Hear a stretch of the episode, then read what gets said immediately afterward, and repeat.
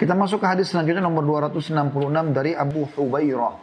Nama beliau adalah A'id bin Amr al-Muzani radhiyallahu anhu salah seorang yang ikut serta dalam Bai'at Ridwan.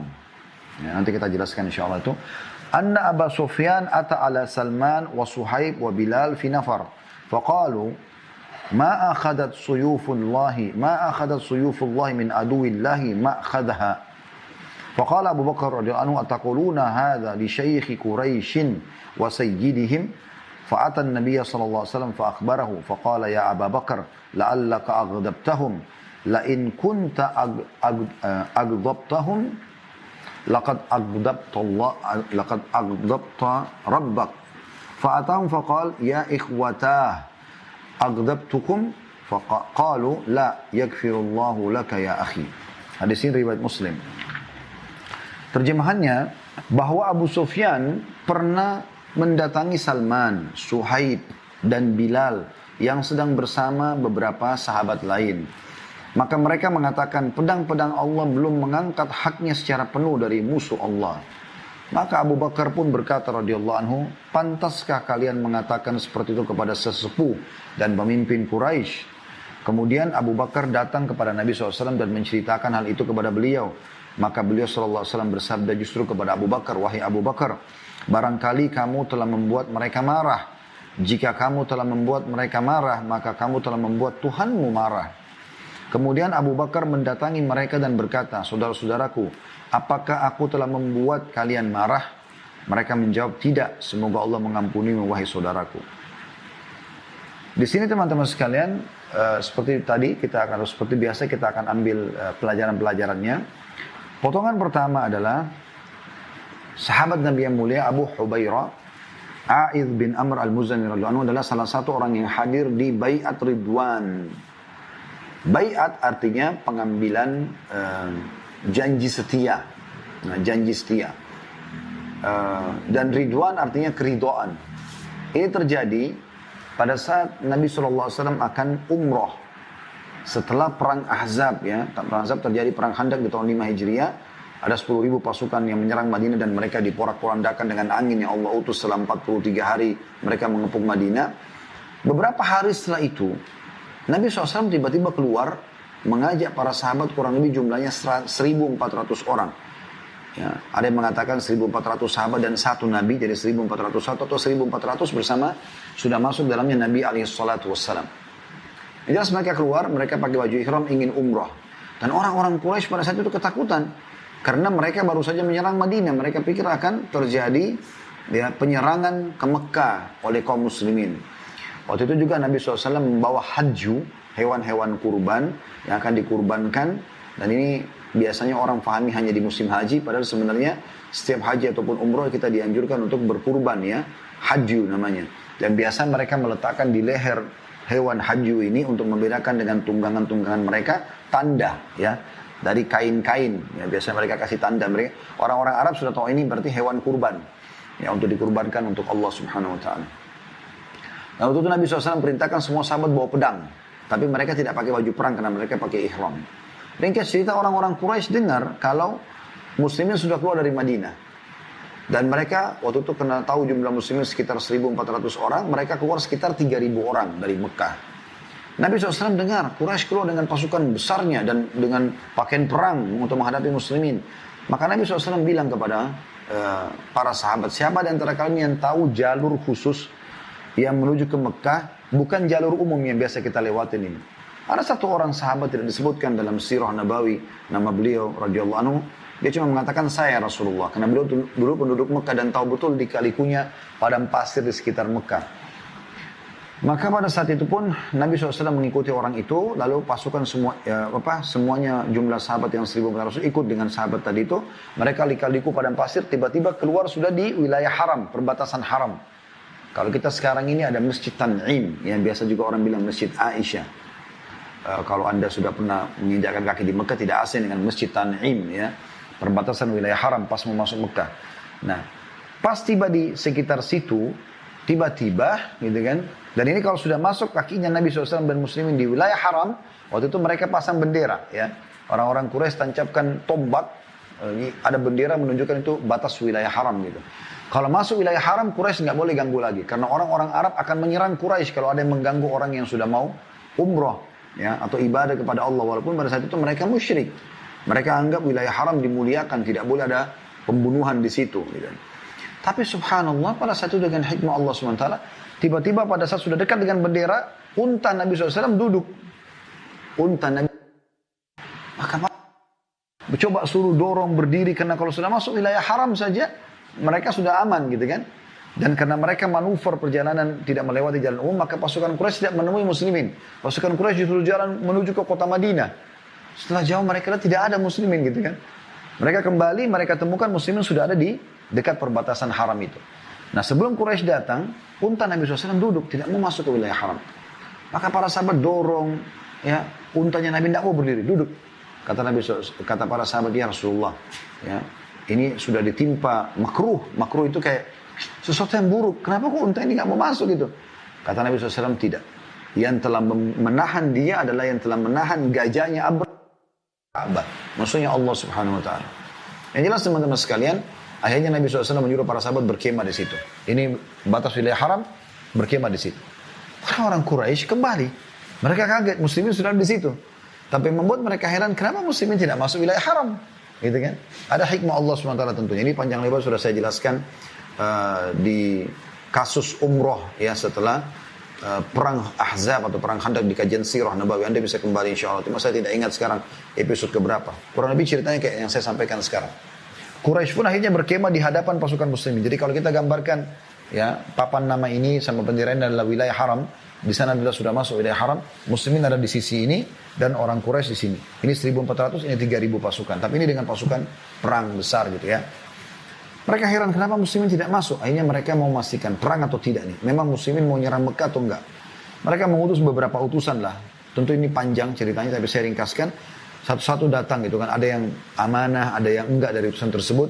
Untuk memastikan muslimin perang enggak. Jawaban Nabi SAW sederhana. Selalu serentak sama karena lihat hewan-hewan kurban ini. Karena ada hewan-hewan kurban, mereka tahu ditaruh di kain di lehernya. Ini hewan haji. Kami berihram. Sempat ditanya oleh Quraisy, lalu kenapa kalian engkau membawa pedang, hai Muhammad? Dia bilang berjaga-jaga. Di tengah jalan mungkin ada yang menyerang kami, kami bisa membela diri kami. Tapi kami pastikan kalau kalian izinkan kami masuk, kami akan letakkan pedang-pedang kami di sini. Kami akan masuk saja.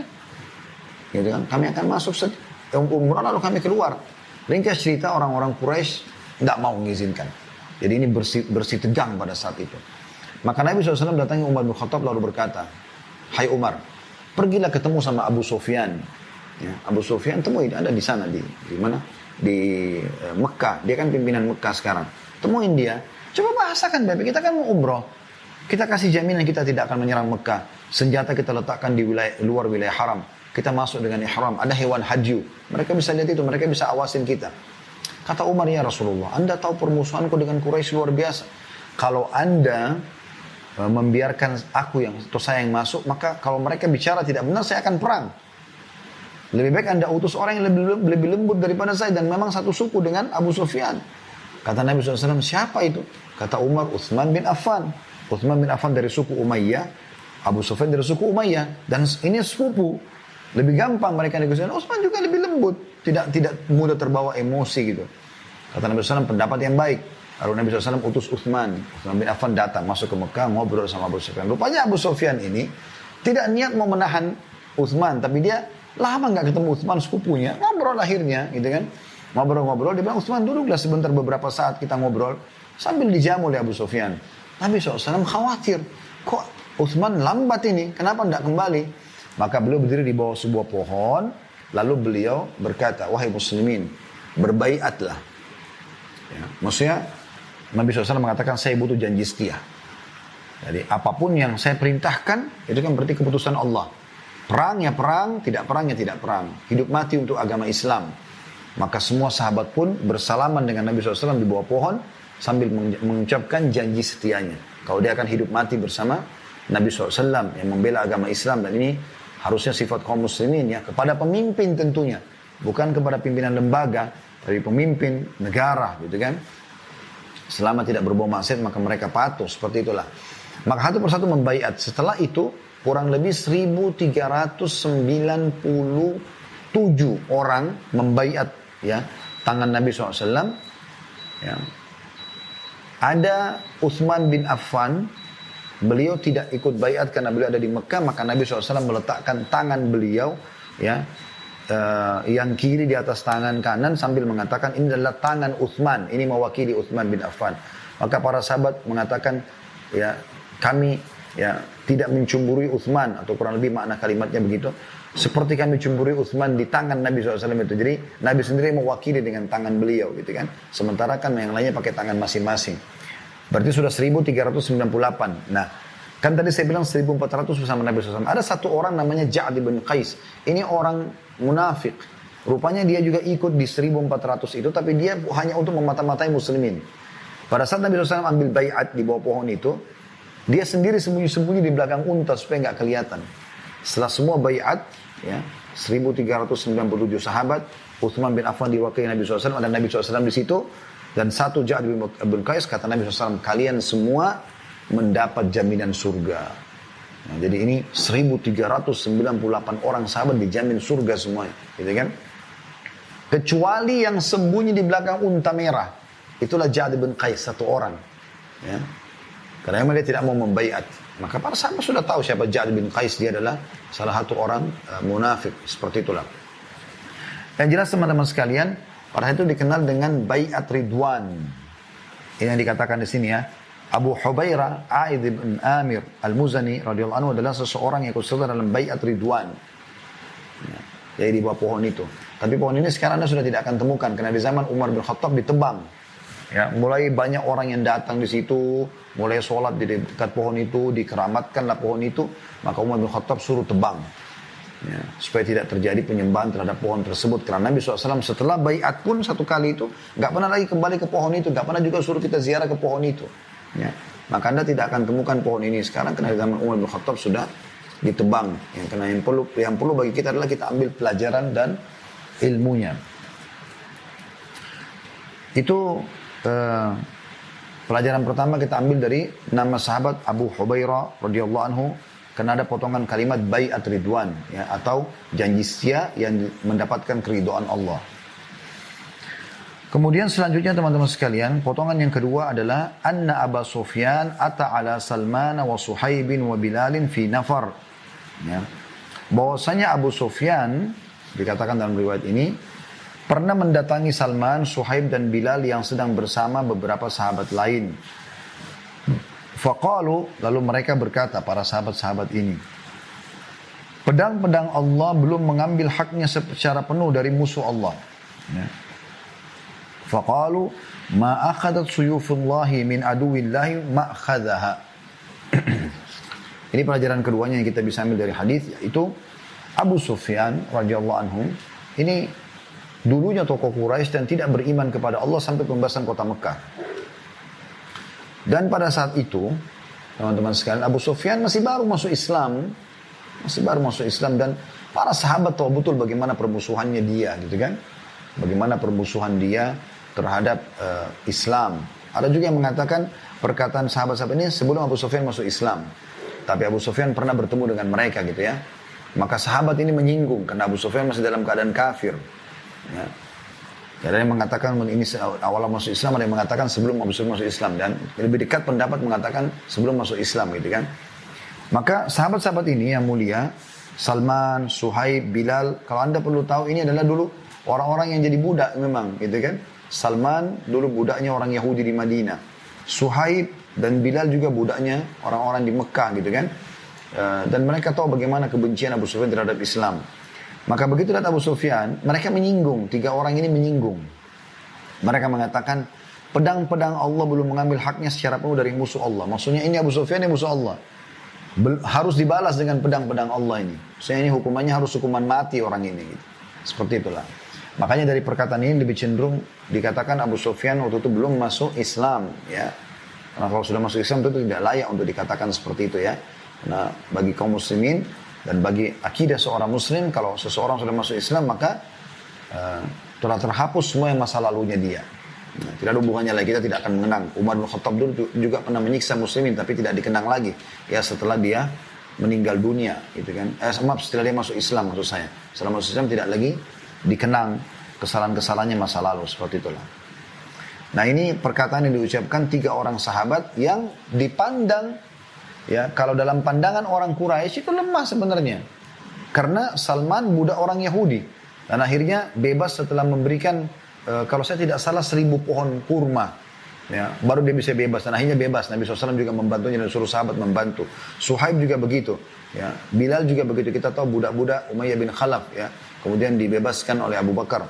Seperti itulah kurang lebih maka mereka mengatakan kalimat ini karena mereka menganggap ini mumpung belum Islam maka hukumnya adalah hukum Allah ini harus dipenggal ini harus pedang-pedang Allah kena kepada Abu Sufyan seperti itulah Kemudian potongan yang ketiga dari hadis adalah Abu Bakar menanggapi pada saat itu radhiyallahu anhu. Maka faqala Abu Bakar radhiyallahu anhu ataquluna hadza li syaikhi Quraisy wa sayyidihim? Apakah kalian mengucapkan kata-kata seperti ini? Pantas ya kalian ucapkan seperti ini kepada sesepuh dan pemimpin Quraisy?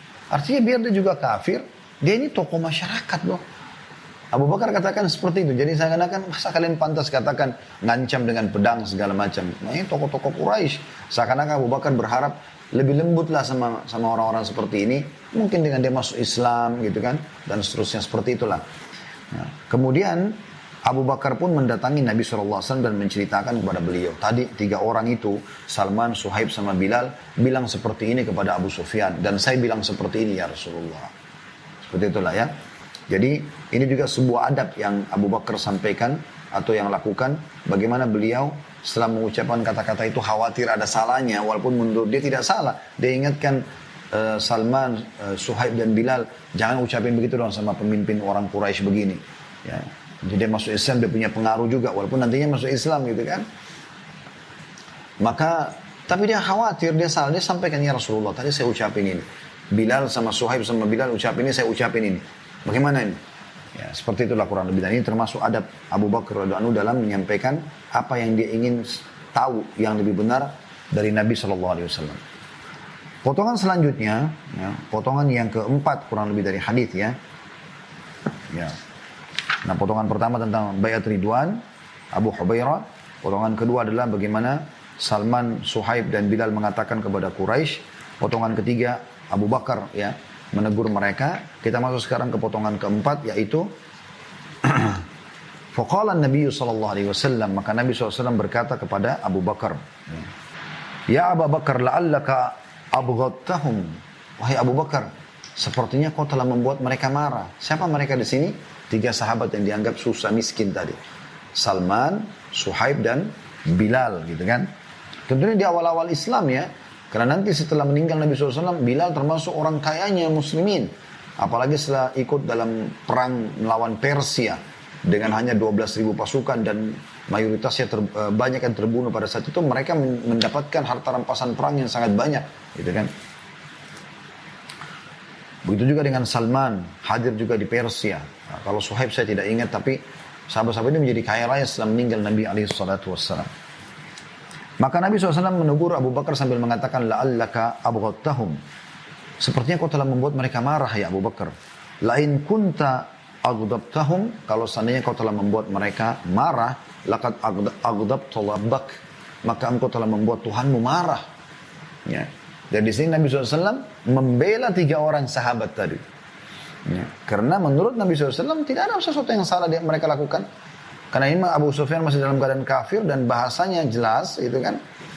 Bahwasanya kalau Allah mengizinkan, pedang-pedang Allah punya hak untuk membunuh orang seperti ini. Karena dia menyiksa muslimin dulu di Mekah.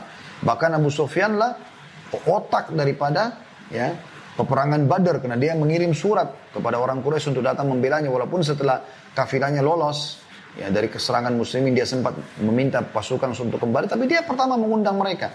Di perang Uhud, Abu Sufyan yang pimpin. Karena merasa kenapa kok di Badar mereka kalah. Di perang Ahzab, ya, perang Khandak, Abu Sufyan pimpinan Quraisy 4000 pasukan dan sisanya suku-suku Arab ikut semua dengan Quraisy termasuk Yahudi dari Khaybar ikut pada saat itu. Nah, dia pemimpinnya gitu. Maka dianggap luar biasa. Bahkan Abu Sufyan pada saat masuk Islam atau awal mengucapkan syahadat karena ketakutan bersama Nabi SAW. Masih sempat berpikir di awal Islamnya itu. Bagaimana dia menyusun pasukan Quraisy. Tapi dia jadi kaget setelah itu Nabi SAW lewat sebelahnya sambil mengatakan waktu itu Abu Sufyan lagi menghadap ke Ka'bah, lihat muslimin berkumpul menguasai Mekah. Terlintas di benaknya. Dia, bagaimana caranya dia kumpulkan lagi kekuatan Quraisy untuk melawan muslimin. Padahal dia sudah syahadat gitu kan. Di awal-awal Islam. Kata Nabi SAW, Hai Abu Sufyan, kalau kau jalankan apa yang kau niatkan, Allah akan menghinakanmu. Maka Abu Sufyan pun takut pada saat itu. Lalu dia akhirnya kokoh dengan keislamannya karena dia tahu apa yang pun yang disebut dalam hatinya Nabi SAW tahu Allah memberitahukan kepadanya. Seperti itulah. Pelajaran terakhir teman-teman sekalian di sini adalah potongan yang kelima. Fa'atahum faqal ya ikhwata aghdabtukum qalu la yakfirullahu laka ya akhi. Wahai saudara-saudaraku kata Abu Bakar, segera Abu Bakar datangi Salman, Suhaib dan Bilal. Wahai saudara-saudara, apakah aku telah membuat kalian tersinggung, marah dengan teguranku tadi? Kata mereka, tidak. Dan semoga Allah maafkan kau saudaraku. Maksudnya, kalaupun kau sampai dianggap itu sebuah dosa, semoga Allah maafkan kamu. Dan ini teman-teman adab dalam Islam. Bagaimana kita diajarkan dalam Islam untuk ya betul-betul hati-hati dalam uh, menghisap diri kita dalam segala hal. Menghisap diri dalam segala hal. Jangan sampai, ini sering saya ingatkan, mudah-mudahan Allah jadikan ini peringatan buat saya secara pribadi dulu, baru kemudian teman-teman sekalian. Jangan sampai kita menuju akhirat membawa dua hal. Yaitu dosa dan musuh. Usahakan bertobat kepada Allah SWT dari dosa dan musuh. Jangan selalu punya masalah sama orang. Orang masalah sama kita terserah dia, tapi kita jangan punya salah sama orang lain. Sehingga akhirnya dia memanen pahala kita pada hari kiamat. Ya, Kata Nabi SAW, siapa di antara kalian yang punya masalah dengan saudaranya, selesaikan sekarang dunia sebelum datang akhirat tidak ada manfaatnya dinar dan dirham. Gitu kan. Maka itu konsep dasar, jangan seperti itu. Tapi sibukkanlah menuju ke akhirat membawa dua hal. Yaitu membawa amal saleh dan teman yang saleh.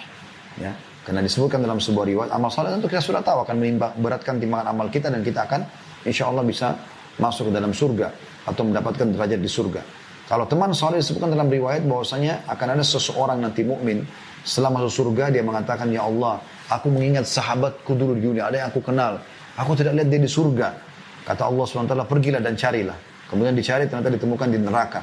Lalu Allah pun keluarkan. Orang-orang pada bertanya, kenapa orang ini dikeluarkan? Sama-sama kita di neraka, ahli neraka bertanya. Maka para malaikat menjawab, karena pertolongan atau syafaat temannya dari orang-orang beriman. Oleh karena itu kita harus punya teman orang beriman yang bisa menyelamatkan seseorang dari kita kalau masuk ke dalam api neraka. Wa tentunya kita tidak berharap tidak masuk ke dalam neraka.